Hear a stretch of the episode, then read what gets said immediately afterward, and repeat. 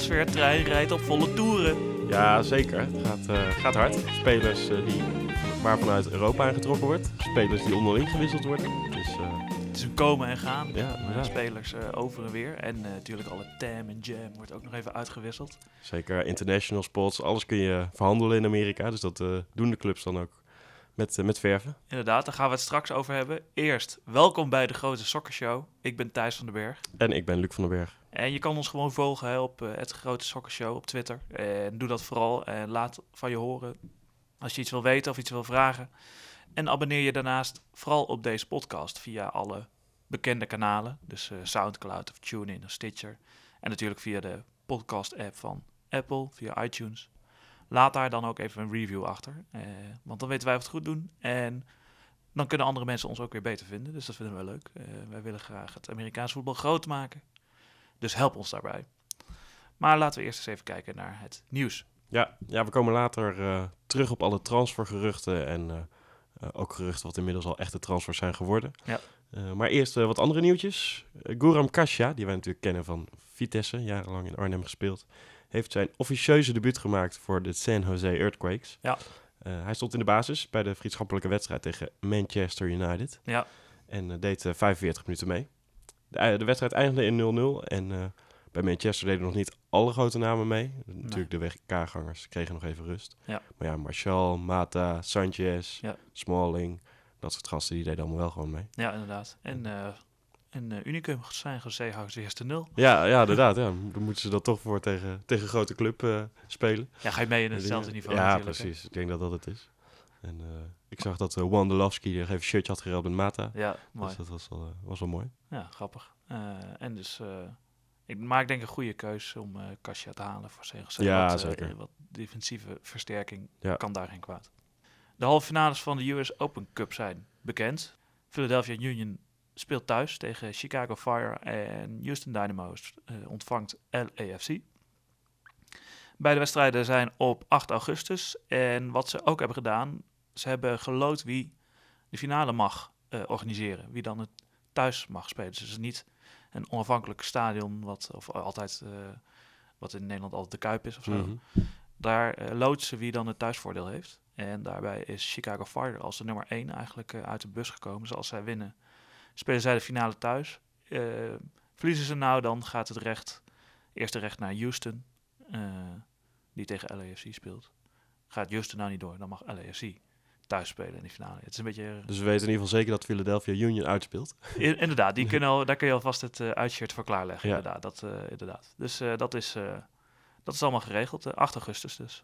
Dan de Portland Timbers, want die hebben bezwaar gemaakt... naar aanleiding van de wedstrijd tegen, de, tegen LAFC in de US Open Cup. Maar hebben dat bezwaar ook gelijk weer ingetrokken. Ja, raar verhaal. Ja, het ging over de wedstrijdselectie van LAFC. De 18 spelers die op het formulier stonden. Daar mogen eigenlijk maar vijf buitenlandse spelers op staan. Maar daar stonden er zeven op. Nou ja, dat, uh, daar was uh, Portland niet zo blij mee. Dus die gingen daar in, tegen in beroep. Nou ja, pas nadat ze verloren hadden. Ja, natuurlijk. zo gaat het namelijk altijd. ja. Volgens mij, want als ze gewonnen hadden, dan was het natuurlijk uh, geen probleem geweest.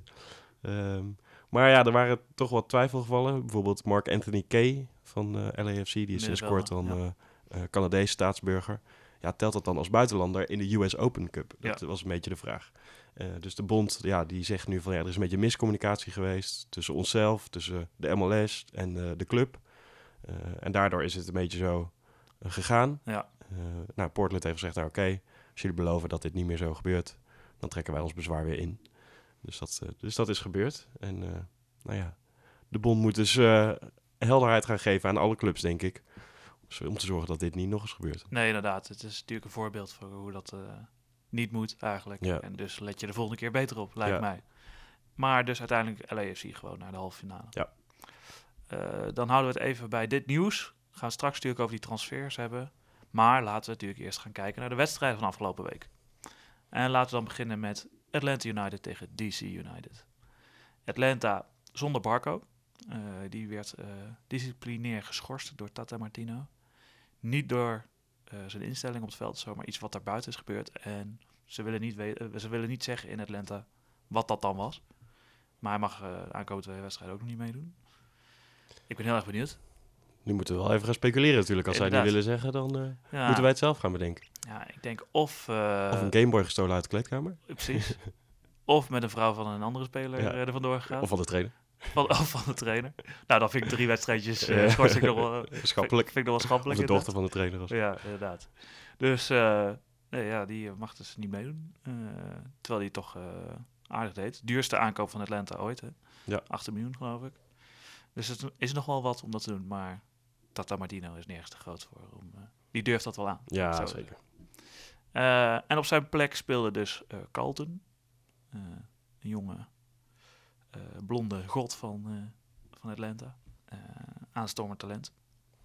En Atlanta ook zonder Nagby, die is geblesseerd. Middenvelder, belangrijke jongen daar. Ja, en speelde ook wel iets anders, hè? Dus in die 4-2-3-1, wat normaal nog wel eens een soort 3-5-2-achtig of ja.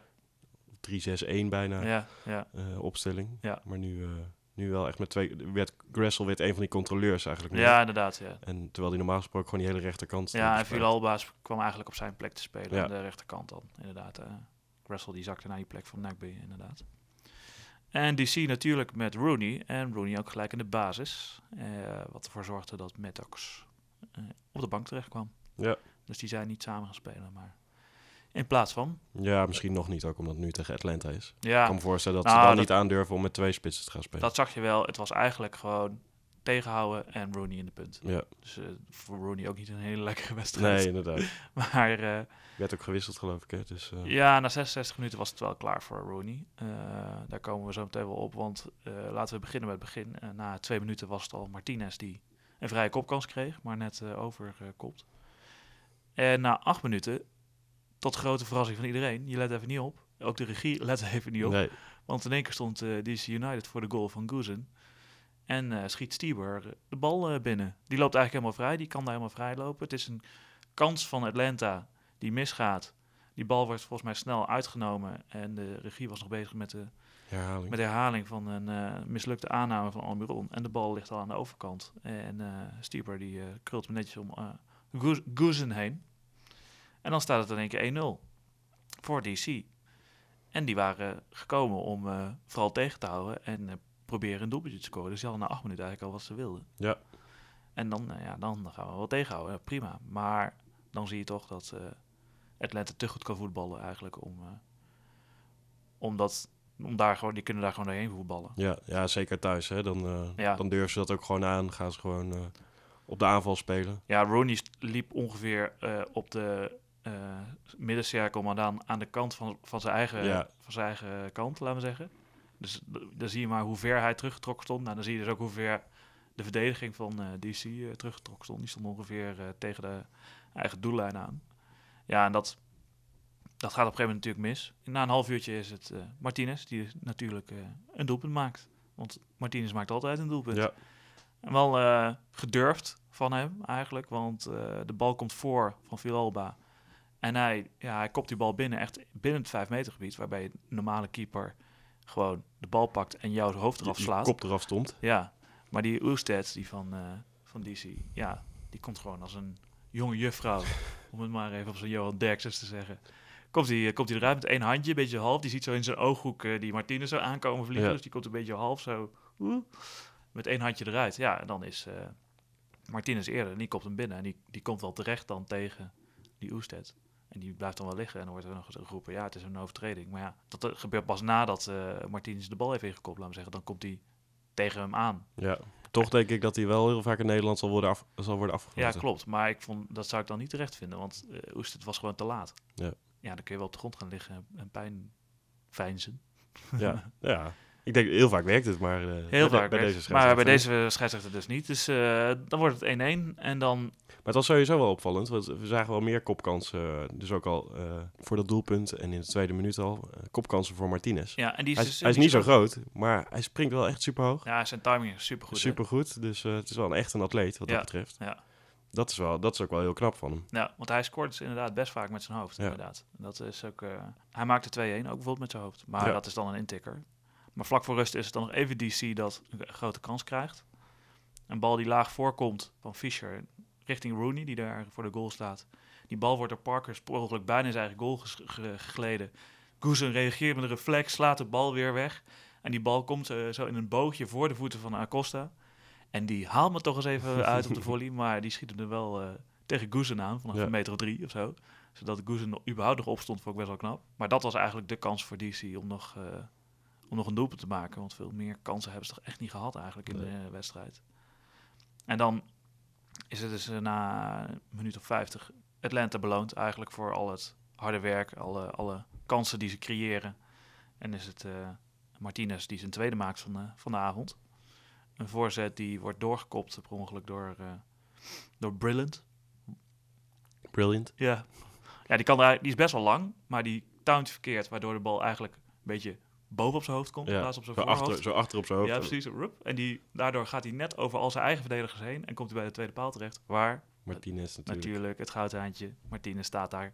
Ja, die eh, loopt hem dan binnen. En dan eh, nog een beetje raar beeld daarna. Ja, er ontvouwt zich een romantische romance eigenlijk tussen die Inderdaad. twee. Ja, ik dacht dat Coming Out Day eh, vorige, vorige maand was, maar eh Pires eh, doet het nog even een feitje over. Ja. Die staat bijna te tongen met eh, Martinez. Zo mooi, zo, zo, het gezicht van Martinez in zijn handen. Ja, staat er verliefd naar te kijken. Je denkt echt, ja, ga ervoor. Ja, inderdaad. Ja, misschien heeft Barco zit daar ook nog in een soort Ja, driehoeksverhouding. ja, driehoeksverhouding. Een dingetje, ja. Vreemd Ik, ik hoop dat daar allemaal dingen gebeuren die eh, op het veld dan eh, nu naar buiten komen. Ja. Ah, het zou wel mooi zijn. Ja. Zeker met de ogen inderdaad op eh, Coming Out Day. En dat ze daar zo mee bezig zijn in Amerika. Ja. Nou ja, Voor het, voor het voetbal. voor het voetbal zou het denk ik wel goed zijn als de topscorer van de, van de MLS, MLS. eh, gewoon een, eh, een goede homofiel schijnt te zijn. Zeker.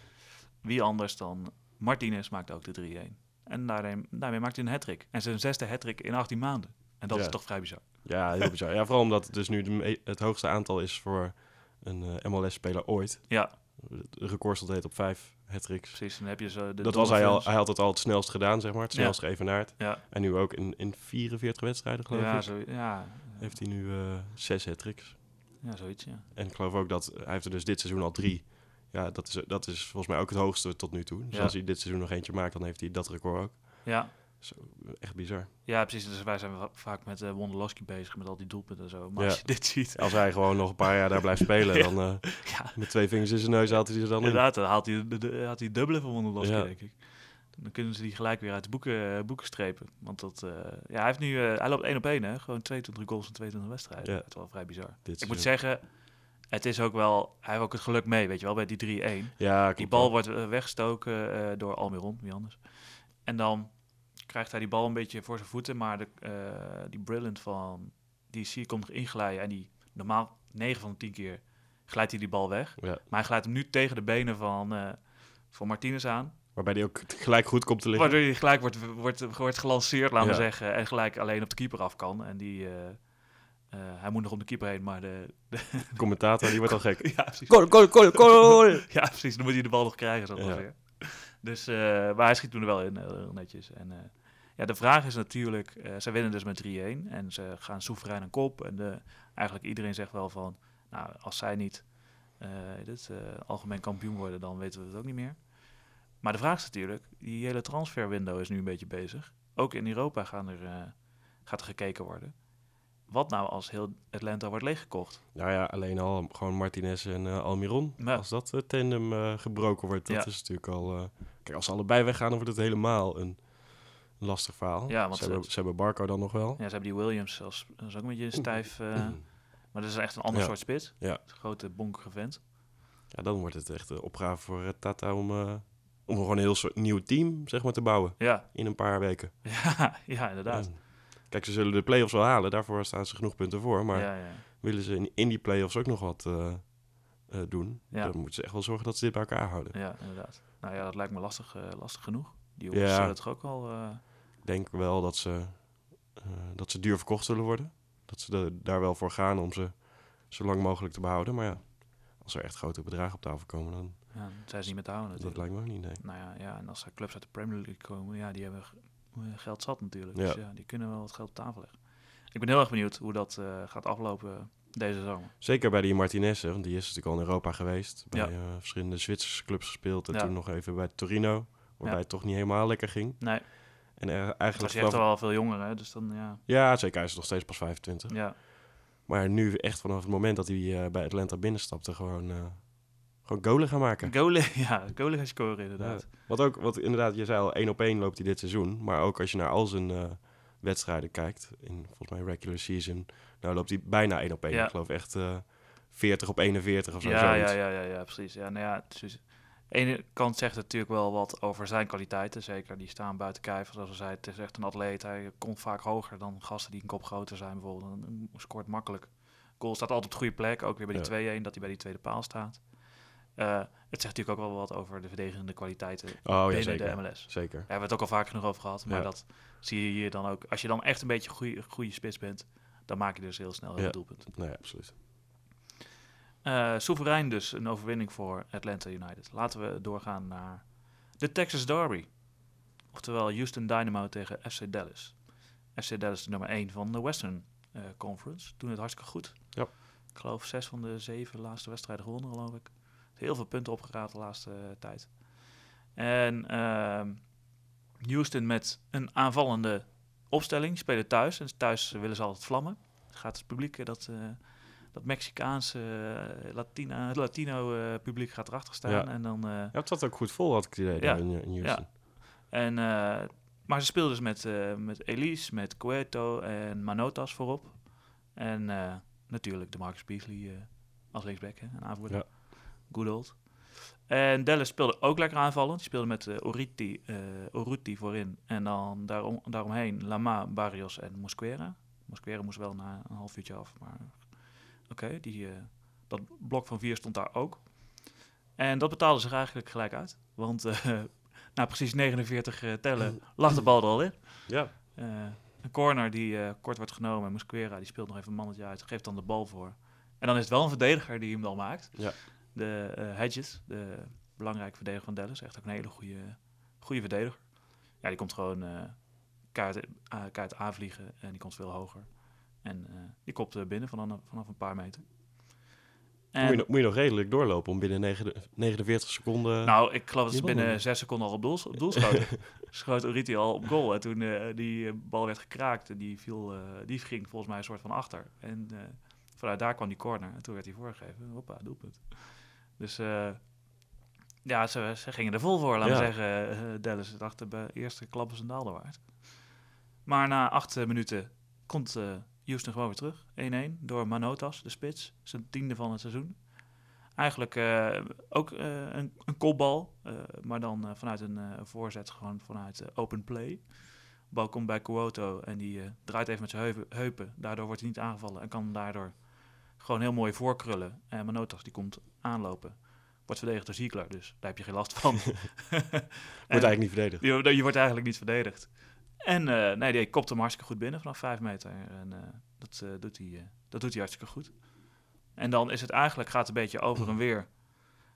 ja, juist omdat het aanvallend willen die jongens wel. Ja. ja, en ik had ook wel het idee dat ze dachten van nou, we gaan eens even laten zien wie de kampioen van Texas is. Nou ja, precies. Dat zat natuurlijk allemaal erachter nog. Hè. En vaak, ik weet niet of ze hier dan ook weer een beker bij hadden. Ik weet dat ze bij die Cascadian Cup ja, een beker. Precies.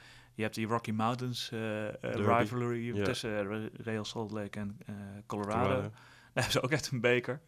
en uh, het is dus niet zoals een derby in Nederland van ja, nou ja, dan mag je jezelf, ja, dat mag, dat mag in Amerika ook, maar je mag jezelf de, jezelf de beste van de provincie noemen of van Noord-Nederland of weet ik veel wat. Zij maken ook echt een beker, fucking mooi. Dat was hier, hier weet ik niet zeker of ze dat hadden. Maar inderdaad, dat zat er wel uh, echt flink in. Ze gingen, ja. ze gingen, echt, gingen er voor. Gingen lekker vlammen. Ja, ook, ook mede door die sfeer van uh, in dat stadion ja. van, van Houston. Ja, zeker. Ja. Gelijk toen, uh, toen Manota scoorde, ook zag je, zag je die Texaanse vlag, die normaal met rood, wit en blauw is. Ja. Maar dat zijn de kleuren van FC Dallas. Dus ze hadden hier een speciale vlag met in plaats van het rood-oranje gemaakt. Ja, ja, ja. Oranje-wit. Voor, Houston. Inderdaad, fucking mooi inderdaad. Dat was gelijk zo, zo helemaal over het publiek. Ja, super mooi. En uh, het ging een beetje over en weer. Akindele, de vervanger van Mosquera, krijgt dan eigenlijk nog de grootste kans in de eerste helft voor uh, Dallas. Balletje wat heel goed wordt uh, teruggetrokken door, door Barrios. Of door Figueroa. En ja, hij wacht eigenlijk te lang. Hij komt eigenlijk niet zo vaak in die positie. Dus hij staat op die 11 meter met die bal voor zijn voeten. Hij denkt, oh ja, ja maar nu moet ik hem erin schieten. Schieten. En op het moment dat hij dat denkt, ligt de Marcus Beasley al voor hem en die kan de bal dan wegwerken. Dus dat zijn dan eigenlijk wel momenten waar, die ze normaal wel afmaken bij Dallas. Maar nu kwam net niet de goede persoon in de positie om die bal af te maken. Rudy moet daar eigenlijk staan bijvoorbeeld. Maar die, die liep toch een beetje, die zwerft altijd een beetje daarvoor in op het veld. Hè? Dus die was nu net even uit die positie weggelopen. Ja, waardoor er natuurlijk ruimte wel... kwam voor uh, Akindele. Ja, hij krijgt, uh, is natuurlijk ook wel de man om aan te spelen dan. Hij kan de bal goed vasthouden en meegeven. Dus ja. ja. dan staat hij niet altijd in die punt. Nee, precies. En dat blijkt ook na een uur spelen. Hè? Dan krijgt hij de bal op een beetje half op het middenveld. Gaat hij een beetje lopen. En dan kan hij ook heel goed iemand wegsturen. Dat doet hij ook bij Barrios. Die, uh, die naar binnen snijdt. En dan is zijn directe tegenstander Machado, de verdediger van, van Houston die wil dan die bal, die ziet die bal zo voorbij komen. Die denkt, nou, tik hem nog even snel achter. Je maar, ja, niet... maar je, die, ineens komt Barrios voorbij lopen en die schopt hij dan keihard onderuit, want die zet zijn voeten net tussen. Ja, het is zelfs zo knap dat hij dan niet, dat hij dan het linkerbeen van Barrios wegschopt in plaats van zijn rechter, terwijl het rechter dichterbij staat. Ja, inderdaad. En die Machado heeft helemaal geen idee wat er, die, wat er achter hem gebeurt. is helemaal gefocust op die bal. Die denkt van, oh, die ga ik eens even lekker achterknallen. Even, even, die ga ik eens even laten zien dat ik kan Ja. En die, uh, die ramt dus uh, Barrios uh, tegen de vloer. En dus is het, wordt er even geluisterd van, is ja, ja, ja oké, ja, de VAR vindt het ook, oké. En dan mag Lama, Roland Lama, onze Belgische vriend, mag uh, achter de penalty gaan staan. Ja, het was niet zijn dag, om het maar uh, nee. zo uh, te omschrijven. Die schiet de bal vrij door het midden in. En ja, dan kan de keeper, hoe heet die jongen, Willis, kan met zijn voeten gewoon, gewoon stoppen. Maar de grap is, die bal komt dan weer terug bij Lama, op een meter of acht. En dan denkt hij, oh ja, ja, je, oh, krijg nog een kans. Maar dan springt hij weer van zijn voet en dan ja. komt hij weer bij Willis in zijn handen. Dus ja, het, en daar was eigenlijk al zijn wedstrijd eigenlijk al gespeeld. Ja. Want uh, uh, dat gebeurt. En dan is het nog uh, een minuut later. Eigenlijk vanuit, Willis heeft die bal. Die bal gaat naar de andere kant. Houston gaat aanvallen, een soort counter. Ze komen eruit. En Manota schiet, schiet er 2-1 binnen. Dus het is echt een rollercoaster van emoties. En dan wordt die uh, goal ook nog afgekeurd door de VAR. Ja. Dus het is uh, een voorzet van de Marks Beasley volgens mij. En Menota staat helemaal in het midden voor de goal, gewoon helemaal vrij. En die kan die voorzet gewoon intikken. Maar die, die wil te veel, dus die zet, die zet al een stap naar voren. Blijft daardoor niet achter de bal. En staat dus buitenspel. Ja, de VAR, uh, daar is wel de VAR voor nodig, inderdaad, om dat, dat te zien. Ja, inderdaad. Want er werd in eerste instantie volgens mij niet voor gevlacht. Nee, volgens mij nee, want ze, ze juichen ook alsof ze kampioen zijn geworden. Ja, ja, nou, nou, kampioen van Texas. Ja. En uh, nou, helemaal als je net een penalty tegen hebt gehad en die is gestopt en je schiet erna de 2-1 binnen, dan is de ontlading natuurlijk fantastisch. natuurlijk helemaal gek, ja. Precies. En, uh, maar helaas, de VAR uh, zat in zijn hokje, die zat op te letten en die, die keurt hem af. Dus dat is jammer voor Just. En dan, dan krijgt Lama zijn kans nog een keer. Nog een keer een kans om het te beslissen, om de 2-1 te maken voor Dallas. Een bal die voorkomt, die een beetje half wordt verwerkt door die Willis. En op een meter of acht voor de voeten van de uh, binnenstormende Lama uh, komt. Die denkt, oh, ik moet een beetje hoog schieten, want er liggen wat mensen op de lijn. Maar ja, iets te ver achterover gehangen en die schiet hem gewoon bovenkant lat eruit. Nou, die jongen heeft niet goed geslapen. Nee, dat lijkt me denk ik. Holy maar shit. Ik dacht ook wel dat het een beetje kwam omdat hij hem per se met links wilde nemen. Ik dacht, als je hem nu met rechts, dan kun je hem misschien nog in de, in ja, de hoek hij, komt, van, hij komt van links, dus dan is het met rechts makkelijker Was, was logischer geweest. Maar als een soort tennisser die om zijn backhand heen draait, wil hij er een beetje omheen lopen. Ja. ik dacht ook, misschien gaat het daar ook al een beetje mis. Ja, daar gaat het mis. En dus ja, er liggen twee gasten op de lijn. Ja, die, er staan wel uh, nog wat gasten voor. Dus je moet hem of heel goed hard laag inschieten, maar dan heb je dus uh, de kans dat iemand hem met een been eruit haalt. Je kunt beter hoog inschieten. Dus de gedachte was op zich wel ja. goed. Maar ja, op, op, op zeven meter van de goal uh, zo hard overschieten, ja, het zag er toch wel heel lullig uit. Helemaal ja. als je tien minuten ervoor een penalty hebt gemist. In twee, in twee keer, laten we zeggen. Dus uh, ja, ja, die jongen, uh, ja, die had niet, het was niet zijn dag. Het was niet zijn dag, nee. En daardoor blijft het eigenlijk ook 1-1. Dus uh, er waren een hoop emoties de laatste half uur nog. Maar uiteindelijk blijft het 1-1. En het was voor de neutrale kijker best wel een leuke wedstrijd. Ja. aanvallende intenties. ze wilden allebei kampioen worden, van Texas worden. Dus dat was leuk. Maar Dallas verliest dus wel twee punten in de strijd om het algemeen kampioenschap. Blijft ja. wel bovenaan staan, volgens mij. Ja, nou ja dat, we gaan zo meteen naar de nummer 2 kijken ja. van, uh, van de Western. Dus dan uh, wordt al ook wat meer duidelijk. Ja, precies. Oké, maar, eh, laten we dan doorgaan inderdaad naar de volgende wedstrijd. Ja, die is dan in de Eastern. Chicago Fire tegen Toronto FC. Eh, Chicago met een 4-2-3-1 opstelling. Kappelhoff in de basis, Schweinsteiger weer eh, eigenlijk terug als controleur. Ja, Hij dus is voor- overal, overal gestaan Ja, dit seizoen, maar nu als een van die twee controleurs. Ja, Eh, en ze hebben bij Toronto FC hebben ze Edwards gehaald, Raheem Edwards. ja, de... ja, Ja, hoe, moet je, hoe moet je hem noemen? hoe, hoe moet je hem omschrijven inderdaad? Een soort, eh, soort troubadour van, van de MLS. ja. Hij zat een paar maanden geleden zat hij nog bij Toronto. Ja. Toen is, hij vanuit, Oh ja. toen is hij vanuit daar met de expansion draft naar LAFC gegaan. ja, Die hebben hem gelijk weer geruild met Montreal Impact ja, precies. tegen Simon en Raitala. Nee, andersom. dacht Ruitela is met... Ja, het wordt naar Montreal Oh ja, nee, dat was En het, ja. Simon kwam dan naar eh LAFC. LAFC, zonder dat Simon het wist, geloof ik. Maar eh, Was niet helemaal zijn, zijn plan, nee. maar die, eh, die ging dus. Ehm, En daar heeft hij, geloof ik, twee wedstrijden gespeeld. en nu, Nu mag hij bij Chicago. en nu is hij weer geruild bij, naar Chicago toe. Ja. Dus eh, die stond daar ook al gelijk in de basis. En bij Toronto is Josie Eltidoor terug. Ja. Die heeft volgens mij sinds eind april of zo geen wedstrijd meer gespeeld. Nee. Eh, en ook gelijk de, de opstelling wordt, eh, wordt wat aangepast in een 3-5-2. Ja, of eigenlijk meer een 5-3-2, want de buitenste middenvelders zijn Morgan en Morrow. Ja. dat zijn toch meer backs dan, Ja. Vaardige middenvelders. Inderdaad, ja. Eh, ja. En voorin dus eh, Josie en Jovinko. Ja, Josie die heeft eigenlijk gewoon die, die CONCACAF Champions League natuurlijk doorgespeeld met een blessure. Ja. En dat heeft hem echt genekt toen, Ja. toen ze eruit vlogen, volgens mij. Toen heeft hij wel wat rust nodig gehad, sowieso, om, om echt te herstellen van Ja. blessure. Nou ja, dat, dat schijnt dan nu weer goed te zijn. En Vasquez zat ook nog op de bank, ook, was ook nog geblesseerd, kwam, er wel, kwam er wel nog in. Dus op zich, die twee zijn wel weer terug. Ja. En eh, nou ja, het begint met, eh, eigenlijk met beste kansen voor Chicago, voor bij Nikolic. Gelijk eh, Edwards, die een eh, belangrijke rol heeft daar Ja. aan de... Dit keer aan, bij deze kant aan de rechterkant. Hij begon aan de linkerkant. Maar ja, hij geeft hem net iets te hard voor, waardoor Nikolic hem nog wel raakt, maar voorlangs gaat. Ja, Dus daardoor kan hij hem net niet goed, goed binnenkoppen, binnenknikken. Ja. Het gaat hem eigenlijk net te snel, dat is het, ja, dat is het vooral. En ook de andere kans in de eerste helft is ook voor Chicago. Bronico, die eh, schiet, Ja. hem, schiet hem iets te hoog. Had hij hem nou moeten afgeven of niet? Want eh, ik geloof, wie liep er naast hem? Edwards, denk ik, liep naast hem. Mm, liep Ja. Katai eh, kwam ook kwam op links Oh, ja. nog bijlopen. En dat was eigenlijk vooral omdat Bradley hem liet lopen. Ja, Want op het middenveld is het eigenlijk Kappelhoff die daar de bal een beetje verovert. En Katai die met een slim kopballetje hem aan. Bronico geeft. ja. En Bradley zie je echt zo richting Katai lopen. Omdat komt hij wel aan te gaan. Dan denkt hij, nee, ik ben te laat. Nou, dan draai ik maar om. Ah, eigenlijk ben ik daar ook te laat. Ah, laat ook maar. dan stopt hij ook gewoon weer met lopen. En dan ziet hij hoe die hem, eh, bijna de kruising, eh, eh, bijna de kruising eh, krult inderdaad. Dus Oh, dat is wel... eh, nou ja, dat, dat ging weer lekker voor, eh, voor Bradley. Ja, of hij hem af moet geven, ik weet het niet. Ja, ik bedoel, het is op zich... Hij had, had genoeg ruimte om te schieten. Ja, dat klopt. Dat Ja, dat vind ik ook zo gek, hè? Dat dan eh, niet een verdediger van Toronto uitstapt. Nee, om, die- eh, nee die durfde dat niet. Nee, dat is toch gek. Het is niet zo dat er iemand in je, in je rug loopt of zo. of Dat Nee. iemand eh, weg kan lopen. Ja, die Edwards die kwam dus vanaf rechts volgens mij aanlopen. Maar er werd niet ingestapt door een van die, eh, van die verdedigers. Nee. Dat vond ik zo, vond ik zo gek. Nou, verder vrij saai eerste helft. Geen schot op goal geweest in die hele eerste helft. Dus dat, is, eh, dat was lekker. Zegt al genoeg inderdaad. Maar gelijk aan het begin van de tweede helft eh, maken ze dat goed. En dan is het in één keer 1-0 voor Toronto. Giovinco.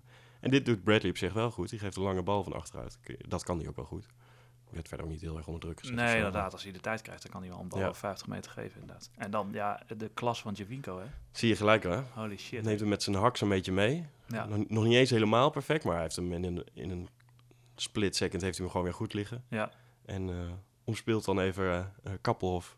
Dus hij komt naar binnen, omspeelt Kappelhof en legt Ja. hem even in de verre hoek. Ja, precies. Hij dreigt dan om buiten langs te gaan. Dus Kappenhof draait dan al met zijn, met zijn lijf, laten we zeggen, richting de zijlijn. En dan gaat hij in één keer naar binnen. Ja, dan, ja, dan valt Kappenhof ongeveer bijna om. Omdat Ja. hij, ja, die moet zo'n rare draai maken. Die, die, die draai kan hij niet meer maken, waardoor hij te laat is. Ja, dan is uh, Javinko Kappenhof kwijt. En dan eh, op een goede manier. Ja. En dan, eh, dan knalt hij hem lekker binnen, inderdaad. Ja. Hebben echt. bij Chicago ook niet zo'n hele goede keeper. Maar dat eh, deze... Ja, die Sanchez. ja, Ja, ja, nou, ja. ik was er op zich nog wel. Vond hem op zich nog wel aardig, maar ja, ja, dit, ja, die, deze had hij ook niet kunnen hebben. Nee, dit, dit was goed ingeschoten. Dat is waar. Dat is waar. Maar dan staat het dus in één keer eh, 1-0. Nou ja, denk de, de eerste kans überhaupt voor eh, Toronto. In eh, drie jaar. In drie jaar. en daarna komen er eh, juist wat meer kansen voor eh, Chicago. Edwards krijgt nog een kopkans. Eh, ook omdat Van der Wiel eh, beetje erbij staat en, uh, en ernaar kijkt. Die stond, die stond denk ik te denken over die uh, miljoenen die hij had verdiend met de baller en uh, 4-3-3. Ja, denk het zoiets. Die aandelen die hij verkocht had. Oh ja, staat, oh, wat zou daar nou voor kopen? Ja. Oh, wacht. Die ziet echt zo die bal eroverheen komen. Die kijkt zo, oh ja, oh ja, ik moet eigenlijk instappen. Oh ja, shit, te laten. een kopballetje van Edwards, maar die, die gaat dan nog over. Ja. En daarna is het Nikolic die de 1-1 maakt. Vrij trap van Katai. Gaat er helemaal overheen. Edwards die hem goed teruglegt. je zou bijna zeggen dat hij ingestudeerd is. Maar ja, Edwards die was er nog niet. Nee, uh, die, die was er nog niet zo lang, nee. Dus, uh... Die trouwens die bal wel echt heel goed terug dus ja. weer voor, voorlegt. Want die, die bal komt voorbij de tweede paal. En hij die gaat net over verdediger heen. En dan schiet hij hem dus met een soort... Hij legt hem gewoon met zijn voet. Met zijn voet legt hij hem voor de goal. En dan kan Nikolic... Nikolic knikt hem even. Maar dat is echt best wel moeilijk als de bal net over iemand heen valt. Om hem dan nog... Goed in te schatten. Goed, goed in te schatten en goed voor te geven, inderdaad. Dus dat, ja, dat deed Edwards heel goed. En, die, uh, en Nikolic uh, kopt hem nog wel goed in. Die kopt ook... Uh... Ja, en anders was altijd Schweinsteiger ja, nog.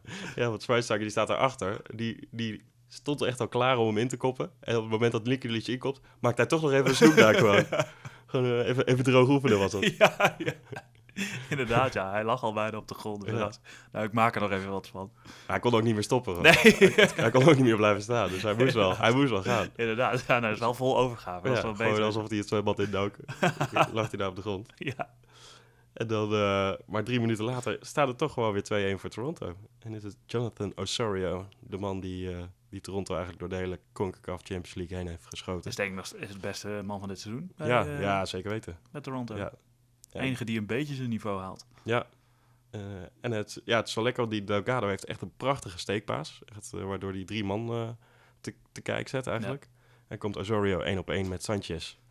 Ja, die niet helemaal lekker uitkomt. Want op zich heeft hij de bal wel. Ja, maar in plaats van dat hij hem pakt, tikt hij hem weer tegen de benen van Osorio aan of zo. Ja, en die hem dan gewoon weer mee kan nemen. Die hem dan gewoon weer mee kan nemen. En even, hoe heet die gozer? Even Campbell bizar hard uitkapt op die achterlijn. die gaat er vol voor. Ja, Campbell glijdt al ongeveer het stadion uit. Ja. en, dan, uh, en dan is er in één keer leeg doel en dan schuift ja. hij hem daar gewoon ja, goed in. Nee, heel goed. Ja, en hij, Osorio loopt wel dus weg bij Schweinsteiger. Hè. Dat was wel best wel pijnlijk ook weer om te zien. Die zie je nog zo wijzen van, eh, jongens... Uh, overnemen, daar, overnemen. Daar loopt hij. ja. en dan... Hoppa, weg is hij. Ja, precies. En Delgado geeft dan ook precies de perfecte paas. En staat hij in één keer voor de keeper inderdaad. Dat is echt heel knap hoor. ja. Um, ja, maar eigenlijk was het dat ook voor de, voor de rest van de wedstrijd. Het was niet zo heel erg boeiend, niet heel veel kansen. Ik denk wel dat, dat uh, Chicago gewoon veel meer verdiend had. In ieder geval wel een punt had verdiend. Ja. Zo. ja. Maar uh, ja, ben, ben benieuwd. Die Edwards, wel goede aanwinst voor, voor Chicago. Ja, nou, Als deze wedstrijd zo. Ja, waarom heeft hij dan bijna, niet, bijna nooit gespeeld? Dat is een beetje ja, ja, bij, ja, bij, bij Montreal, bij Montreal heeft hij wel, wat, heeft hij wel gespeeld. Maar ja, dat zat er ook nog niet echt in een heel aanvallend team of zo. Nee, klopt. Dit, nu als zij met Edwards en Katai op de zijkanten spelen, is ja. voor Nikolic ook wel wat fijner. Ja, inderdaad. Als spits uh, word je wat meer bediend. Dus ja. dat, is, dat is wel heel fijn, denk ik. Uh, Schweinsteiger kan de bal aan iets meer mensen kwijt. Dat is ook ja. wel fijn. Ja, inderdaad. Dus ik denk dat het wel kan gaan, uh, gaan werken, inderdaad. Ja. Nou, dat klopt. En Toronto moet ook even, moet wel even gaan kijken. Ze winnen nu natuurlijk. Gaan Op zich, voorin hebben ze wel, hebben ze wel goede spelers met Jovinko, El Tidor en uh, Osorio dan erachter. Ja. Ben benieuwd of als Vasquez straks fit is, waar die dan moet gaan moet lopen. Gaan spelen, gaan spelen inderdaad. Want eigenlijk is dat een, uh, een soortzelfde type, zeg maar, als Osorio. Ja, we weten eigenlijk het antwoord al, maar ja, dat mogen we denk ik niet zeggen van uh, Toronto. Bradley eruit. Ja, ja, maar en dan Vasquez erin. Ja. Maar ja, dat, uh, met, dat durf, zou ik ook niet aandurven met die verdedigers die erachter staan. Nee, oké. Okay, zou wel je ja, iemand daarvoor die verdediging willen hebben. Ja, nou ja, qua verdediging hoef je het niet van Bradley te verwachten, volgens mij. Nee, dat is ook waar, maar ja. Als leider. Als leider, ja. Om het allemaal neer te zetten. Ja, nou, leider met een lange ei. Ja. Uh, ja, maar gaan zij nog de play-offs halen? Dat is natuurlijk de vraag. Ja. Zij staan natuurlijk toch wel puntjes Zij achter. staan redelijk laag. Ik kijk gelijk even.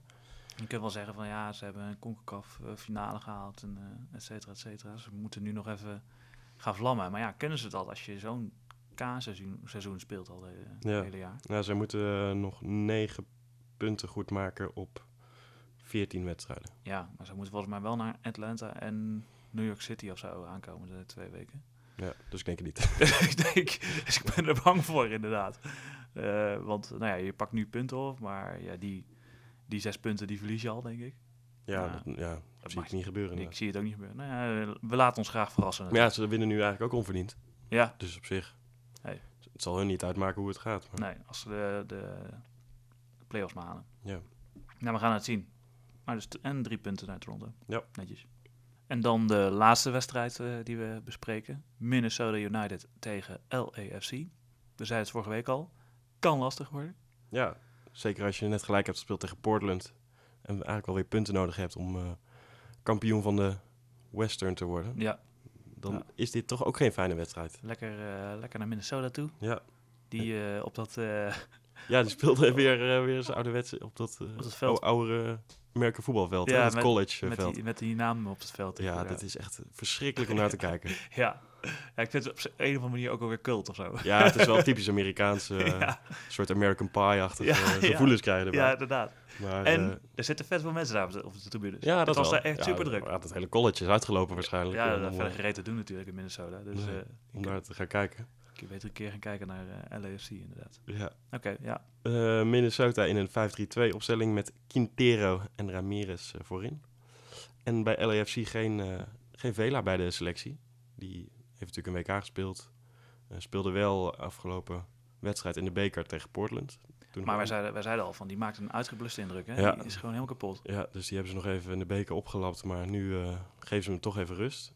Wel eh, gewoon eh Urenja in de spits. Diamandé weer terug op de bank. Even een neusje voor de goal laten Neusje- zetten. Ja, of eraf laten halen. Oh, ja. dat weet ik nog steeds niet. Nee, inderdaad. Maar het is in de- inderdaad in een 4-3-3 dan Urenja en, Ja, en Ro- de- Rossi op 10. En dus, ja, precies, het is geen Diomandé. De man die eigenlijk eh, zoveel scoorde de afgelopen weken, die eh, is toch weer opzij gezet. Ja, want ook in de beker stond Oranje ook aan de basis. Ja. Dus waarom Bradley dat dan eh, doet, toch meer vertrouwen in Oranje. Verkopen misschien.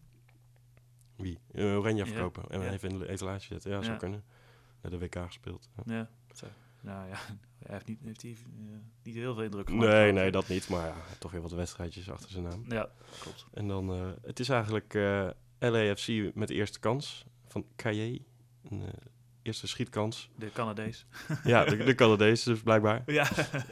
en eh, ja, hij schiet hem eigenlijk best wel goed in, maar die Shuttleworth, die keeper van, eh, van Minnesota, die pakt hem ook wel heel Ja, erg die goed. pakt hem echt lekker inderdaad. Die tikt hem net even over. En Ja, hij kreeg hem een beetje gelukkig mee en, en schoot toen vanaf de 16. maar- Ja. En best wel hard ook. Ja. Maar Shuttleworth pakt hem goed. En dan is het Minnesota dat op 1-0 komt door Schuler. Die Ibsen die steekt Quintero weg met de buitenkant van zijn voet. Die eh, loopt het strafschopgebied in. Kapt even heerlijk Jakovic eh, uit. Ja, echt. Een beetje, zoals, koek. beetje zoals eh, Osorio deed bij Campbell. Zo Ja. doet Quintero dat bij Jakovic. Ja. En dan houdt hij ook nog goed het overzicht. Ja. Legt hem breed en eh Schuler komt aanlopen en die schuift hem even binnen. Ja, die Quintero is echt wel de openbaring van de afgelopen weken. Hè? Ja. Want Die hebben ze, ik weet niet waar ze die vandaan, uit de Colombiaanse bergen hebben ze die ergens vandaan getrokken, geloof ik. Maar die doet het echt fantastisch. Ja. Die is echt, eh, ja precies, die doet dit dus goed. Die is dus en super bewegelijk, die is, die is echt niet te vangen voor die verdedigers. En eh, kan makkelijk scoren. Kan eh, mooi scoren, want hij, hij scoorde laatst ook weer een of andere briljante lop. En hij houdt dus het overzicht. overzicht, ja. Ja, het is echt, echt een goed ventje. Maar dan is het al heel snel weer gelijk 1-1 door Feilhaber. En eigenlijk omdat alles verkeerd gaat bij Minnesota. Eerst is het eh, eh, Calvo die even op zijn eigen 16 denkt van nou, ik, eh, Ja, wat was ik zal dat? eens even wat gaan doen. Ik Ja. weet niet precies wat, maar... Nou, dat weet hij zelf waarschijnlijk ook niet. Nee, dus die verspeelt de bal en dan veroveren ze hem toch weer terug. Maar Warner doet al precies hetzelfde. Ja, Die verliest dan ook weer de bal. Ja. Het is, dan krijgt Blessing, die krijgt hem. Die probeert een hakje, maar stapt er een beetje half overheen. En Ja. krijgt de bal dan toch weer terug. ja, en die ja, ja. krijgt hem dan toch bij Feilhaber, die, die ook weer iemand uitkapt en hem dan binnenschiet. ja. Het, is een heel raar, het was heel raar. Echt een ouderwetse scrimmage. Ja, precies. Want die Faalhaber, die was ook al...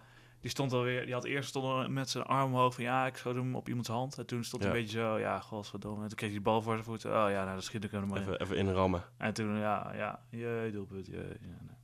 Uitgeblust. En dan wordt het voor rust eh, toch nog 2-1 voor Minnesota. Door Ramirez. Eigenlijk een bal uit de corner. Wordt een soort van weg of omhoog gekocht, gekopt door eh, Jakovic. En dan eh, kan hij gewoon weer terug worden gekopt. En eigenlijk staan alle verdedigers van, eh, Ja. van LA staan te kijken. Vooral Ja. die faalhaber, die loopt dan naar voren vanaf de paal. Ja. Maar hij ziet die bal er een beetje voor zich langskomen. ja, ja. En dan is het Ramirez die hem, die hem ook nog wel goed langs Miller tikt. Miller komt allemaal eh, nog de goal uit. Ja, ja, ja. Maar eh Ramirez tikt hem er precies langs. Ja, dit is allemaal nog in de eerste helft, hè? Dus, we zijn- we zijn- Sterker nog, het wordt zelfs 3-1 Ja, in de precies. eerste helft. Ja, echt bizar. gaat zo snel achter elkaar. Door, nu dus eh, door Quintero zelf. Ja. En die eh, ehm, Miller van, eh, van Minnesota dan. Niet, niet de keeper van nee, nee, precies. Die krijgt, de, die krijgt de bal aan de linkerzijlijn en die stuurt Quintero weg. En die maakt een super mooie vooractie, want die loopt zelf eigenlijk richting de bal. Waardoor Jakovic denkt, oh shit, ik moet achter hem aan. Dus die gaat achter hem aan. En precies op, dat, moment, gaat Quintero diep en wordt die bal gegeven. Ja, moet die Jakovic moet weer achteraan. En die kan helemaal niet rennen. En die kan helemaal niet rennen, dus uh, ja, die komt er nooit meer bij. Nee. Simon moet het dan nog een beetje dichtlopen, maar die is er eigenlijk ook te traag voor. Ja, ja. En dan prikt die Quintero hem wel echt precies goed in de lange hoek. Want Miller houdt eigenlijk wel de korte hoek dicht. Ja. Maar wordt in de lange hoek uh, geklopt. Echt heel, heel makkelijk ziet hij hem dan binnen. Inderdaad. Ja. Het is echt uh, Giovinco-like-achtig ja, doelpunt. Echt alsof het helemaal geen moeite kost. ja. Lekker, lekker in de lange hoek. En dan, ja. en dan staat er in de eerste helft staat er een keer 3-1 voor Minnesota. Ja. Nou, dat had je van tevoren... Ja, wij wel verwacht. Maar precies.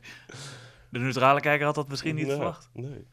En de, ja, dat is echt ja, heel knap vooral. Ja, die Quintero is echt...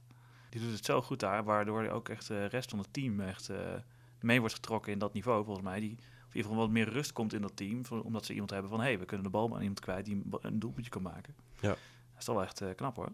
Ja. ja, het is eigenlijk... Ze, ze doen het perfect ook... Uh, leggen de zwaktes van, van LAFC heel erg bloot. Ja. Die verdediging is gewoon heel traag. Ja, Nee, dat is en, precies. En ze hebben gewoon snelle mannen, ook, met die, ook met die Ibarra die dan op het middenveld nog staat, maar Ramirez en Quintero allebei ja, snel genoeg zijn. Ik zag in de opstelling dat Rossi bijvoorbeeld mid-mid stond. Ja. ja, dat is natuurlijk ook een beetje gek. Dat is nou niet echt ja, een, het middenvelder. Moet dan, uh, moet dan op 10 achter Renja gaan spelen, ja, denk ik. maar die, misschien waren, waren ze bij LAC iets te aanvallend ingesteld. Met Blessing en Orenja en Rossi en uh, wie liep er nog meer? KJ. Uh, en al die gasten. Die dachten, nou, we zullen eens even eroverheen. Terwijl je moet zorgen volgens mij dat die middenvelders in ieder geval niet uh, die gasten voorin kunnen bereiken. Dus je moet hier iemand op het middenveld hebben die ervoor kan zorgen eh, dat die bal aan de kant van, ja. van de verdediging van, van Minnesota blijft. Ja. Nou ja, dan lopen ze uiteindelijk door hè, de, bij Minnesota. En dan is het gewoon binnen een uur staat de eindstand op, op, op het bord. Ja, is het 5-1. Maar ook, weer, ook weer binnen een minuut allebei die doelpunten. En dat is... Ibarra maakte, maakte 4-1 eigenlijk ook weer omdat die Jakovic uh, wat staat te doen wat onbegrijpelijk is. Ja. Die bal die wordt de 16 ingespeeld en hij gaat het duel aan, maar zonder ogen voor de bal. Eigenlijk alleen maar ogen voor, uh, voor Ramirez. Ja. Waardoor die bal blijft liggen en Ibarra denkt, nou dan pak ik hem maar. Ja, inderdaad. Dan schiet ik hem in. Ja, mooi. En een minuut later is het Ramirez zelf die dan, uh, die dan schiet. Ook omdat, ook omdat ze bij uh, LAFC die, die blessing laat zich heel makkelijk uitspelen door een 1-2'tje. Waardoor Ibarra hem voorkrijgt en voorlegt. En dan uh, Simon staat ook een beetje te slapen. Ja, die had het al lang opgegeven. Die had volgens mij in de rust had hij al gezegd, jongens... Uh, ik stop ermee. We pakken de bus terug naar huis hoor, want uh, dit is echt helemaal niks. Ja, dus dan is het 5-1 door Ramirez. Ja. En dan is het eigenlijk een beetje de vraag, was Minnesota zo goed? Of LAFC zo slecht? Um, het een sluit het ander zeker niet uit, nee, zou ik zeggen hierbij. Want het was, Minnesota was wel echt goed. Ehm, die, nou ja, die Quintero is gewoon hartstikke goed. Eh, en dat is wel echt eh, mooi om te zien.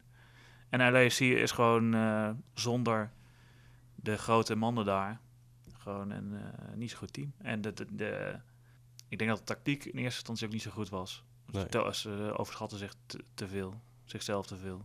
En ja, toen, op, toen bij rust al 3-1 stond, toen hebben ze volgens mij al de handen gegooid. En zeiden ze, nou ja, niet te veel energie aan, nee, maar je zou het spelen aan deze wedstrijd je zou zeggen met Bradley als een ervaren coach, ja. dat hij dan sowieso van tevoren al moet bedenken van, oh ja, nou ja, dit is een counterploeg. Misschien moeten we dan niet blind naar voren lopen en met trage mannen als Simon en Jakovic achterin gaan spelen. Ja. Dan, nou ja, dan krijgen ze in de eerste helft dan al redelijk, redelijk op de broek. En dan wordt er ook in de rust wordt er eigenlijk niet zoveel gedaan. Die Jakovic die speelt gewoon 90 minuten, wat ik al onbegrijpelijk vind. Ja, ja.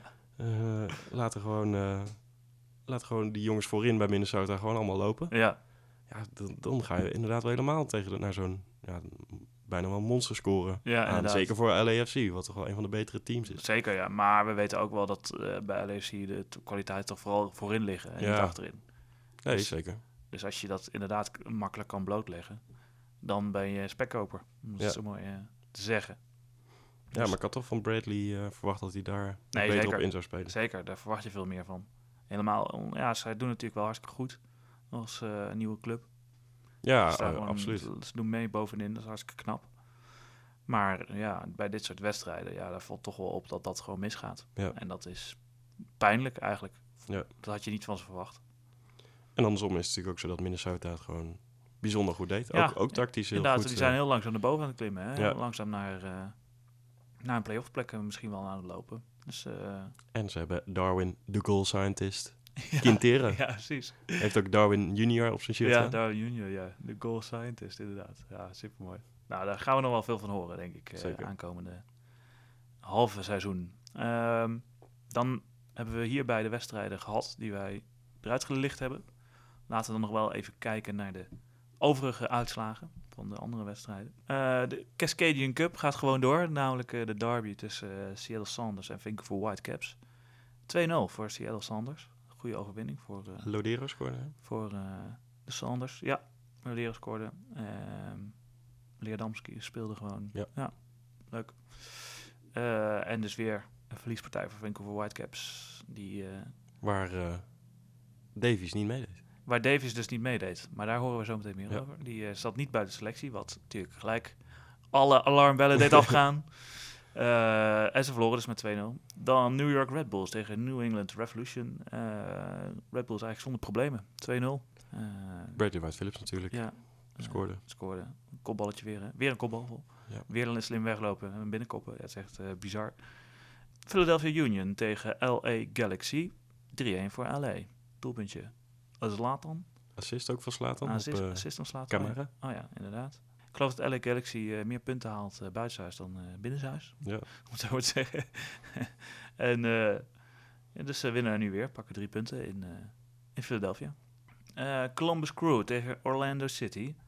3-2 voor Columbus Crew in de allerlaatste minuut. Ja, ik zou iedereen even aanraden om, om dat laatste doelpunt van Will Trapp nog even, even op te zoeken. Even op te zoeken. Die jongen die schiet normaal alleen de bal over de schutting. Ja, maar nu dacht hij bizar hard in de kruising. Ja, inderdaad. Echt vanaf 30 meter knalt hij hem even in de kruising. Hij, uh, na, na afloop geloofde hij het nog steeds niet dat hij zelf erin had geschoten. Dus Orlando City verliest weer. Ze hadden afgelopen keer wel een keer gewonnen, maar daarvoor weer negen keer verloren. Dus, en ze verliezen nu dus weer. Dus dat gaat niet zo heel best daar. En Columbus uh, pakt weer drie punten en haakt toch weer een beetje aan bovenin. Dan de Rocky Mountains uh, Derby. Uh, Real Salt Lake tegen Colorado Rapids, waar nog even het spel stil werd gelegd vanwege het slechte weer. Dus toen moesten ze even van het veld af, anders wat, wat bliksem op hun hoofd gekregen. Wat in het voordeel was van de Colorado Rapids. Die Inderdaad. stonden namelijk 2-0 achter. Die stonden 2-0 achter en het werd uiteindelijk 2-2. Ja. En ze hebben daar een beker, hè, dus voor de winnaar van, van de Rocky Mountains Derby. Maar ja, die ging nu dus weer terug in de kast, want ze, ze, moeten nog wel een keer tegen elkaar. Ja. En dan wordt die uitgedeeld. Het is nu twee keer volgens mij gelijk geworden. En dan de laatste wedstrijd van zondag, zag ik even uit mijn hoofd. Portland Timbers tegen Montreal Impact. Oftewel uh, Valeri tegen Piatti. De tweelingbroer, tweelingbroers tegen elkaar.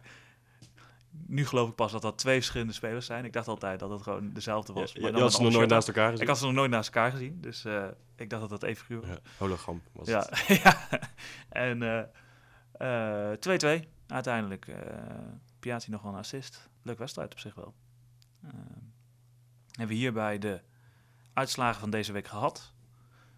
Dan de stand. Ja, in de Eastern staan de top 3 staat nu uh, gelijk in punten per wedstrijd. Dus ze uh, spelen natuurlijk niet allemaal evenveel. Ja, spelen uiteindelijk wel evenveel wedstrijden, maar het loopt nog wel eens scheef. Ja. En uh, dus dan kun je het eigenlijk best vergelijken door de punten per wedstrijd te bekijken. En de top 3 staat nu gelijk, precies twee punten points per game. Ja. Atlanta bovenaan met 44 uit 22. Op 2 New York City met 40 uit 20 en New York Red Bulls nu met 38 uit 19. Ja, Atlanta die heeft dan natuurlijk nog wel het voordeel, want die andere twee moeten het dan nog maar bewijzen in die inhaalwedstrijden. Inderdaad, je moet eerst maar, winnen, eerst maar winnen. Dus uh, nou, dat is wel uh, opvallend. En dan bij de Western loopt FC Dallas toch een puntje uit op ja. LAFC. Ja. Wat LAFC dan op de broek krijgt. FC Dallas met 39 uit 20 en uh, LAFC 35 uit 20. Dus vier, vier punten ertussen. Ja. Nou. Toch, toch lekker voor uh, Dallas. Ja. En uh, Minnesota. We zeiden het al. Ja, die gaat steeds verder uh, omhoog. En nu ook weer. Staan nu nog maar één plekje van de playoffs. Dus, uh, Hoeveel puntjes erachter? Drie punten of die staan twee punten achter een playoff plek. Dus achter Real Salt Lake. Nou ja. Dus dat doen ze heel knap. Die gelijk speelden, ja. Ja. Oké, het programma, het is een vol programma, maar daar zitten een aantal hele mooie wedstrijden bij. We beginnen al op de nacht woensdag op donderdag, Nederlandse tijd, twee uur s'nachts.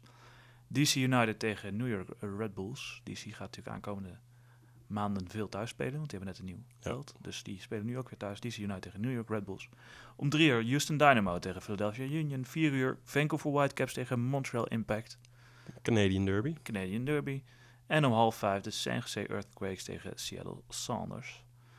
Uh, de volgende nacht uh, om twee uur s'nachts Orlando City tegen New York City FC. En om half vijf even lekker wakker blijven, want dan is LAFC tegen LA Galaxy. Dat is uh, niet zo lekker voor LAFC. Die zitten, niet, zitten er niet zo lekker in. Zitten er niet zo lekker in. En LA Galaxy had alleen maar punten ja. buiten huis. Dus, uh, die, uh, en heeft net gewonnen. En heeft dus, net gewonnen. Dus de LA Derby komt er dus weer aan. zaterdag of zondag, nacht, 1 uur s'nachts, New York Red Bulls tegen Columbus Crew. Dus die spelen al vrij snel weer naar elkaar.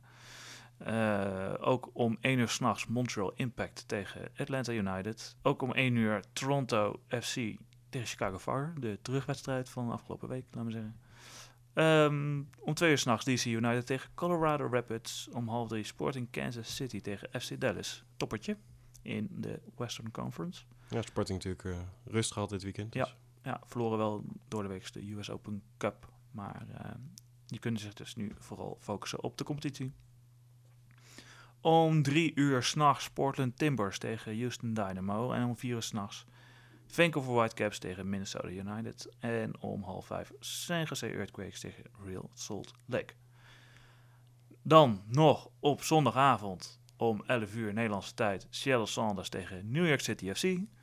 En om het hele clubje af te ronden, zondag op maandag om half vier s'nachts LA Galaxy tegen Orlando City. Een hele lijst. Een hele lijst. Waar kijken we naar uit? De LA Derby natuurlijk. Ja. Red Bulls tegen Columbus. Red Bulls tegen Columbus. Kijken wat er nog meer. Oh, en de Sporting Kansas City tegen FC Dallas. Ja. Laten we dan eens even kijken naar de transfers van uh, deze periode. We begonnen natuurlijk deze uitzending al mee. En we hebben er wat uh, op een rijtje gezet. Ook vooral wat, uh, wat rumors. Ja, even, even erbij gepakt. Het is natuurlijk altijd leuk om die om die molen te laten draaien, die geruchtenmolen. Dus laten we eens even kijken. Laten we beginnen bij een van de grootste transfers uh, in de MLS uh, ooit. Namelijk Alfonso Davis van Vancouver Whitecaps. Ja, ja we hebben het natuurlijk al heel vaak gezegd. Een van onze favoriete spelers. Vooral omdat hij nog zo jong is, 17 jaar pas. Een, een linksbuiten. En hij lijkt te vertrekken. De, zat dus niet bij de selectie afgelopen weekend. Ja. Uh, nou ja, om dus, ze hadden wel bevestigd bij Vancouver dat dat was, omdat hij dus misschien een transfer gaat maken. En de geruchten zijn dat hij naar Bayern München zou gaan. Ja, voor uh, zo'n 15 miljoen uh, dollar. Het schijnt zelfs nog dat Paris Saint-Germain nog op het laatste moment met 16 miljoen dollar kwam, maar daar hebben ze, dat hebben ze afgewezen. Dat zijn de verhalen. Ja. Ze kunnen nog niks bevestigen tot uh, nee, en op dit moment van opname. Ja, en dat zou dan wel het basisbedrag zijn. Dus dan zou het met bonussen, geloof ik, zelfs nog naar 18 miljoen dollar, wat ja. dan 15 miljoen euro zou, ja. zou zijn, uitkomen. Ja.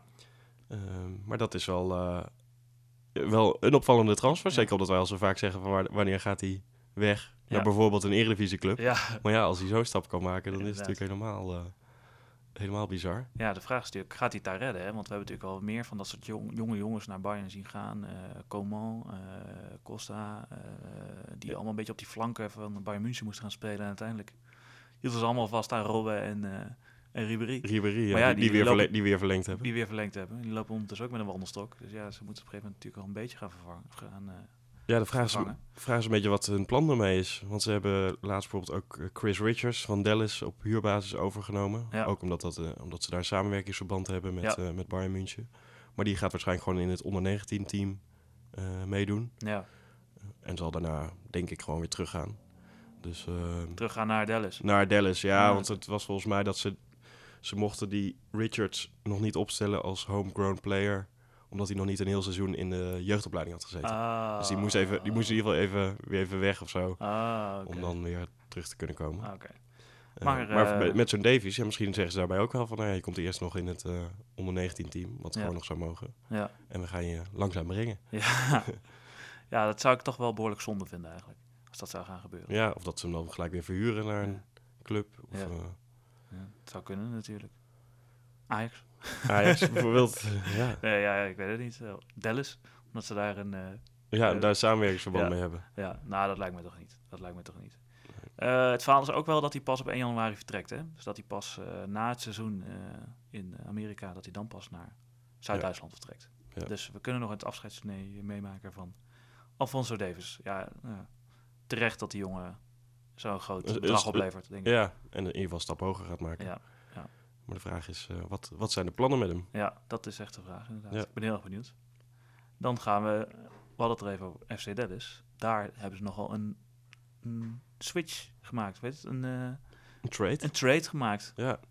Kellen Acosta hebben zij geruild voor eh, Dominique Badji van Colorado Rapids. spits, ja. Ja, die Kellen Acosta komt er dit seizoen nog niet heel veel aan te pas, maar is wel een heel groot talent. Ja, Eh, is zelfs al international. ik wil zeggen, een van de grootste Amerikaanse talenten. Ja, dus eh, die ruilen ze dus voor eh, de spits eh Badji. Ja. Wat ik vooral opvallend vond, is waarom laat Colorado Rapids een, spits, een enige spits gaan? ja, die ze net een half jaar hebben, hè? Dus die Ja. zitten, die zitten pas een half jaar. Ja, maar ja, dat, is, dat is eigenlijk de enige, enige spits die ze hebben. Ze hadden eh, Joe Mason gehuurd Ja. van Wolverhampton. Maar die gaat weer terug. Ja. Die wil graag Premier League spelen, denk ik. Maar eh, die is in ieder geval weer weg. Nou ja, Ja, volgens mij... nou dan zullen ze toch echt wel iets achter de hand hebben. Dat kan ze- toch niet anders Ze dan moeten dan wel een plan hebben dat ze nog iemand gaan halen. Want Ja. alleen, met alleen een eh aanvallende... Want Acosta aanvallende middenvelder. Dat, ja, daar ga je geen golen mee maken. nee, inderdaad. En ze maken al zo moeilijk golen. Ja, Dus dat wordt wel lastig. Maar het is echt, eh, het is wel een, een hot topic in MLS-land, deze, deze trade. Vinden, mensen Ja. vinden het toch gek dat die jongen van AC Dallas, de, de topclub in Western, naar een van de laagste... ja, en dus een toptalent. en een toptalent eigenlijk, ja inderdaad. Naar de laagste regionen van, eh, van de MLS gaat. Ja. En die jongen, eh, ja, die wil dat blijkbaar zelf ook dan, of zo? Ja, ik- hij, wil, hij wil gewoon naar spelen toe komen, Ja. lijkt me. Want eh, dat is nu dus wat er een beetje aan ontbreekt. En daarom ja, zijn er ook wel eh, critici in, in Amerika die het wel begrijpen. Die zeggen van ja, ga dan maar eerst even een stapje lager om gewoon eh, veel te spelen. Ja, Om daarna weer twee omhoog te doen. Zeg maar. ja inderdaad. Eén stapje terug en dan twee naar voren. Ja. Ja. maar dit is wel heel eh, ver omlaag. Maar ja, oké. eh, we gaan het zien aankomende half jaar hoe het gaat. En ik ben benieuwd of Badji überhaupt aan spelen toekomt. Of dat hij gewoon een stand-in voor uh, wordt. Ja. Dat lijkt mij, namelijk. Ja, of misschien dat hij nog wel op de, op de buitenkant kan. zo. Het is wel een, Ja, Ze kunnen hem wel op een andere manier gebruiken. Het is Ja, natuurlijk wel een hele snelle, bewegelijke spits. Hoe goed Ja, die is dat natuurlijk niet. Dus klopt. Ja, true. Eh, dan hebben we nog Magnus Wolf Eikrem, die wij kennen van eh Heerenveen. Heerenveen. En die speelt eh, bij Seattle Sanders. Maar de Noor gaat alweer vertrekken Ja. uit Seattle. Zijn contract is alweer ontbonden. Ja. Kwam in januari daar eigenlijk pas binnenlopen. Maar nu zijn ze elkaar alweer zat.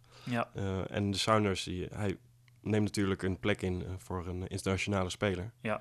Nou ja, zo goed was hij nou ook weer niet Nee, dat, ze, dat ze hem die eh, bezet willen laten ja en die plekken zijn, eh, zijn natuurlijk beperkt. Ja, redelijk kostbaar, eh, eh, redelijk schaars. Dus eh, nou ja, laten ze hem gaan. En ja, die plek moet dan wel weer ingevuld worden, wat de Sounders betreft. En dat willen ze doen met of Argentijnse aanvaller Nicolas Stefanel, of door Miguel Nelom, Kijk, de Nederlandse linksback Ja. die, eh, van Feyenoord, die bij Sparta speelde afgelopen half jaar. ja. Nou, dat, eh, daar ben ik ook wel benieuwd naar. ja, Zit, zitten, hebben wij, natuurlijk al een hele goede linksback bij. eh wij zitten natuurlijk altijd, altijd af te geven op Nuhu Tolo, de linksback van Seattle. en Miguel Nederland is een soort nieuwe Tolo op 2.0. Hè? Ja, ja, ja een beetje, je gaat denk ik een beetje van de regen in de drup. Als je, Nou ja, maar dan gaan ze wel over naar een echt mens. Want ik geloof nog steeds dat Nuhu Tolo een, eh, een test is van Microsoft om te kijken of ze een eh, robot eh, kunnen laten meevoetballen. ja. Zo slecht is die gast. Holy shit.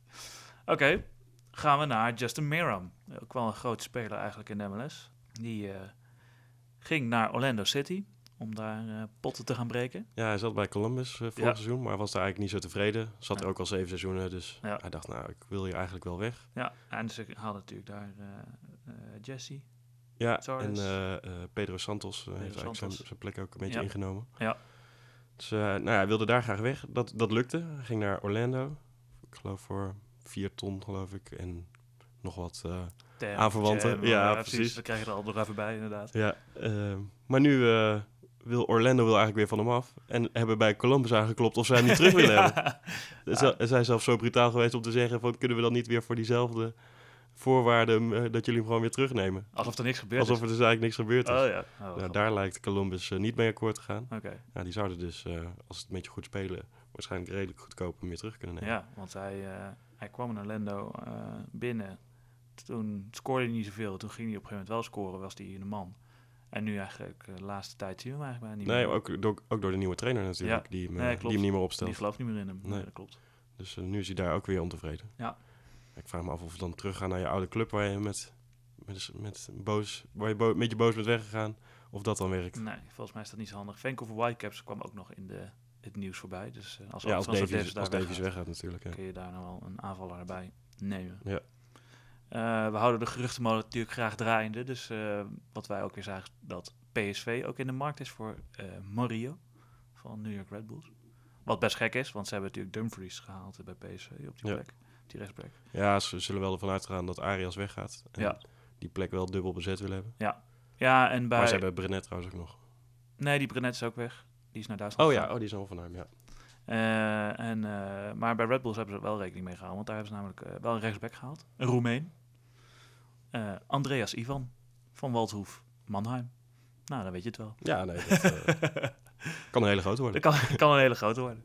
Dus eh, wel een jonge, jong ventje. Maar eh, nee, die, eh, dus het zou zomaar kunnen dat er Mario van, van New York Red Bulls naar PSV komt. Ja, ze hebben dat al een keer ontkend, hè? Ja. Dus dat, dat gerucht ging al een keer Ja. eerder. En toen hebben Ja. ze tegen, ik geloof Eindhovens Dagblad, wel ontkend dat, dat, dat, dat, dat hij in de molen zou zitten. Ja, Maar ja, nu duikt het toch weer op. ja inderdaad. Maar hoe betrouwbaar het is, dat nee, dat gaan moeten we dus nog maar even zien. Dat gaan we zien. De, de transferperiode duurt nog even, dus het kan zomaar gebeuren. En ook eh, Almiron, de naam van Almiron, zingt rond in Europa en dan vooral in Engeland. Zijn naam werd al vaker gelinkt aan Newcastle United. Maar nu is ook vooral West Ham United in de markt voor eh, de jonge Paraguayaan. En bij, Nieuw, eh, bij West Ham zijn ze al lekker de poeplap aan het trekken. De poeplap? De poeplap, ja, ken je dat Dat- niet? nee. Dat is een portemonnee. Is dat een spreekwoord of is dat eentje die eh, zelf zo uit de mouw schudt? Nee, nee, dat is een spreekwoord. Of ik denk dat het een spreekwoord is en eh, ik, eh, ik ga helemaal de mist in hier. Maar nee, die trekken lekker de poeplap. En die hebben al Wilshire gehaald en Jarmolenko. En ze hebben geloof ik eh 100.000 miljoen betaald voor Li- Felipe Anderson. En ze denken, nou weet je, we kunnen ook nog wel een goede middenvelder gebruiken. Dus we leggen gewoon 10 miljoen pond op tafel voor Almiron. Dus het kan zomaar gebeuren dat Almiron vanaf deze zomer in Engeland speelt. Ja, ik heb toch altijd het idee bij Newcastle dat het een soort graveyard voor eh, ik grote zou, aankopen ik is. zou Newcastle sowieso niet doen, inderdaad. Nee. Dan Ja, ga de enige die- stuk. Enige die daar een beetje goed weg is gekomen is eh Wijnaldum. Die Ja, inderdaad. wel aardig heeft gedaan en toen eh, naar Liverpool is Ja, gegaan. Inderdaad. Nee, dat klopt. verder, En Alan Shearer, maar ja. ja, ja. het stenen tijdperk. Ja. is dat een- inderdaad. Dus we gaan het zien. En dan nog een nieuwtje vanuit Montreal.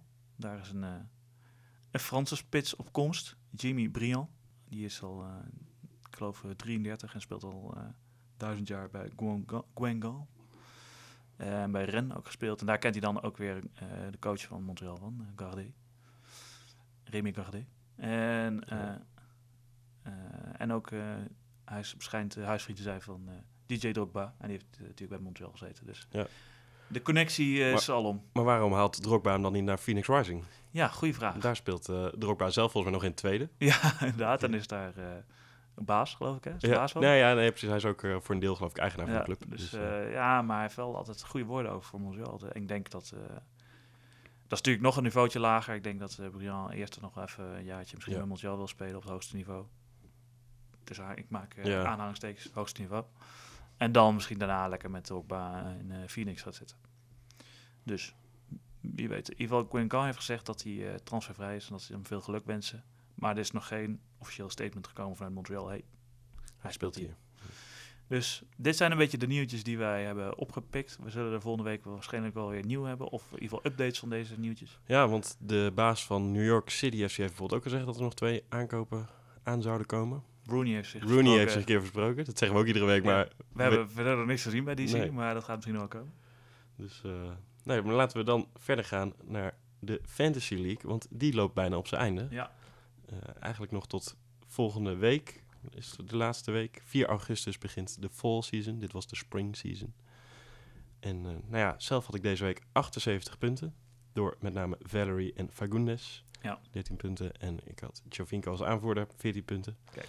Jij had 42 punten door Bradley Wright Phillips en Edwards. Ja, ja, ja. En dat betekent dat ik eindelijk in de eindsprint over jou heen ben in het algemeen klassement. Ja, dat kan dus niet eh, laten Ja, gebeuren. Dus we ik staan dan 5 en 6. moet- Kijk, maar hoeveel punten zitten er tussen? Eh, dan ga ik even snel kijken. Ik Want, denk eh, heel veel. Want eh, hier moeten we natuurlijk wat aan gaan doen.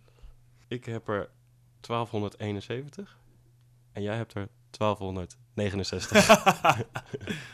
Oké, game on. Shit is aan. Ja, precies. Dus eh, ja, dan gaan we volgende week zien wie er, eh, wie er het meest verstand heeft van ons Precies, tweeën. ja, ik wou het zeggen. Dat is gewoon... nee, maar dat eh, ik dat ben, maar Je mag zich de MLS Fantasy koning van Amsterdam-Oost noemen. ja. Dan gaan we naar de top 3, maar die blijft natuurlijk gewoon hetzelfde. Op 1, zoals altijd, Armin Terrorized Defensals met deze week ook weer 150 punten. En dat was omdat hij Quintero als aanvoerder had. Ja. 46 punten. Holy shit. Dan ja. heb je het wel goed gezien. Ja, Ook tegen LAFC eh, bedacht van, nou, die gaat er eh, Ja. een paar inschieten. Ja. Heel goed. Eh, en Martinez en Ibarra als grote puntenpakkers. Kakourtes FC op 2 met 94 punten. Had Martinez als aanvoerder. Ja, dat is natuurlijk wel lekker als hij dan een hat maakt. Ja. En bijvoorbeeld Lodero met een doelpuntje. Piatti. En op 3 Bruggers MLS 100 punten deze week. Ook Martinez als aanvoerder. Valeri en Kaku Kaku van eh, van eh, Red Bulls. Red Bulls. Ja. Red Bulls. netjes. Volgende week dus eh, De laatste ronde. de laatste ronde en 4 augustus de officiële opening van de tweede seizoenshelft, zeg ja, maar. na de All-Star. Ja. Dat is een beetje de split in het seizoen, hè? Ja. In de MLS. Komen we hiermee aan het einde van de 22e aflevering van de Grote Sokkershow. Wij zijn ondertussen gaar gekookt met deze temperaturen binnen in een warme huiskamer. Eh, dus ik ben blij dat we het hierbij kunnen houden. we zo meteen even de ramen open Ja, kunnen de zetten. ramen ook kunnen zetten. Eh, blijf ons Twitterkanaal vooral checken, het Grote Soccer Show. En eh, abonneer je vooral op deze podcast, vinden we leuk. En laat ook even een reviewtje achter, vinden we ook leuk. En kunnen andere mensen ook ons weer beter vinden. Dus ehm, leuk dat je weer luistert. En volgende week zijn we natuurlijk weer hè, met alle, alle wedstrijden en met natuurlijk heel veel nieuwe transferupdates. Tot dan. Tot dan.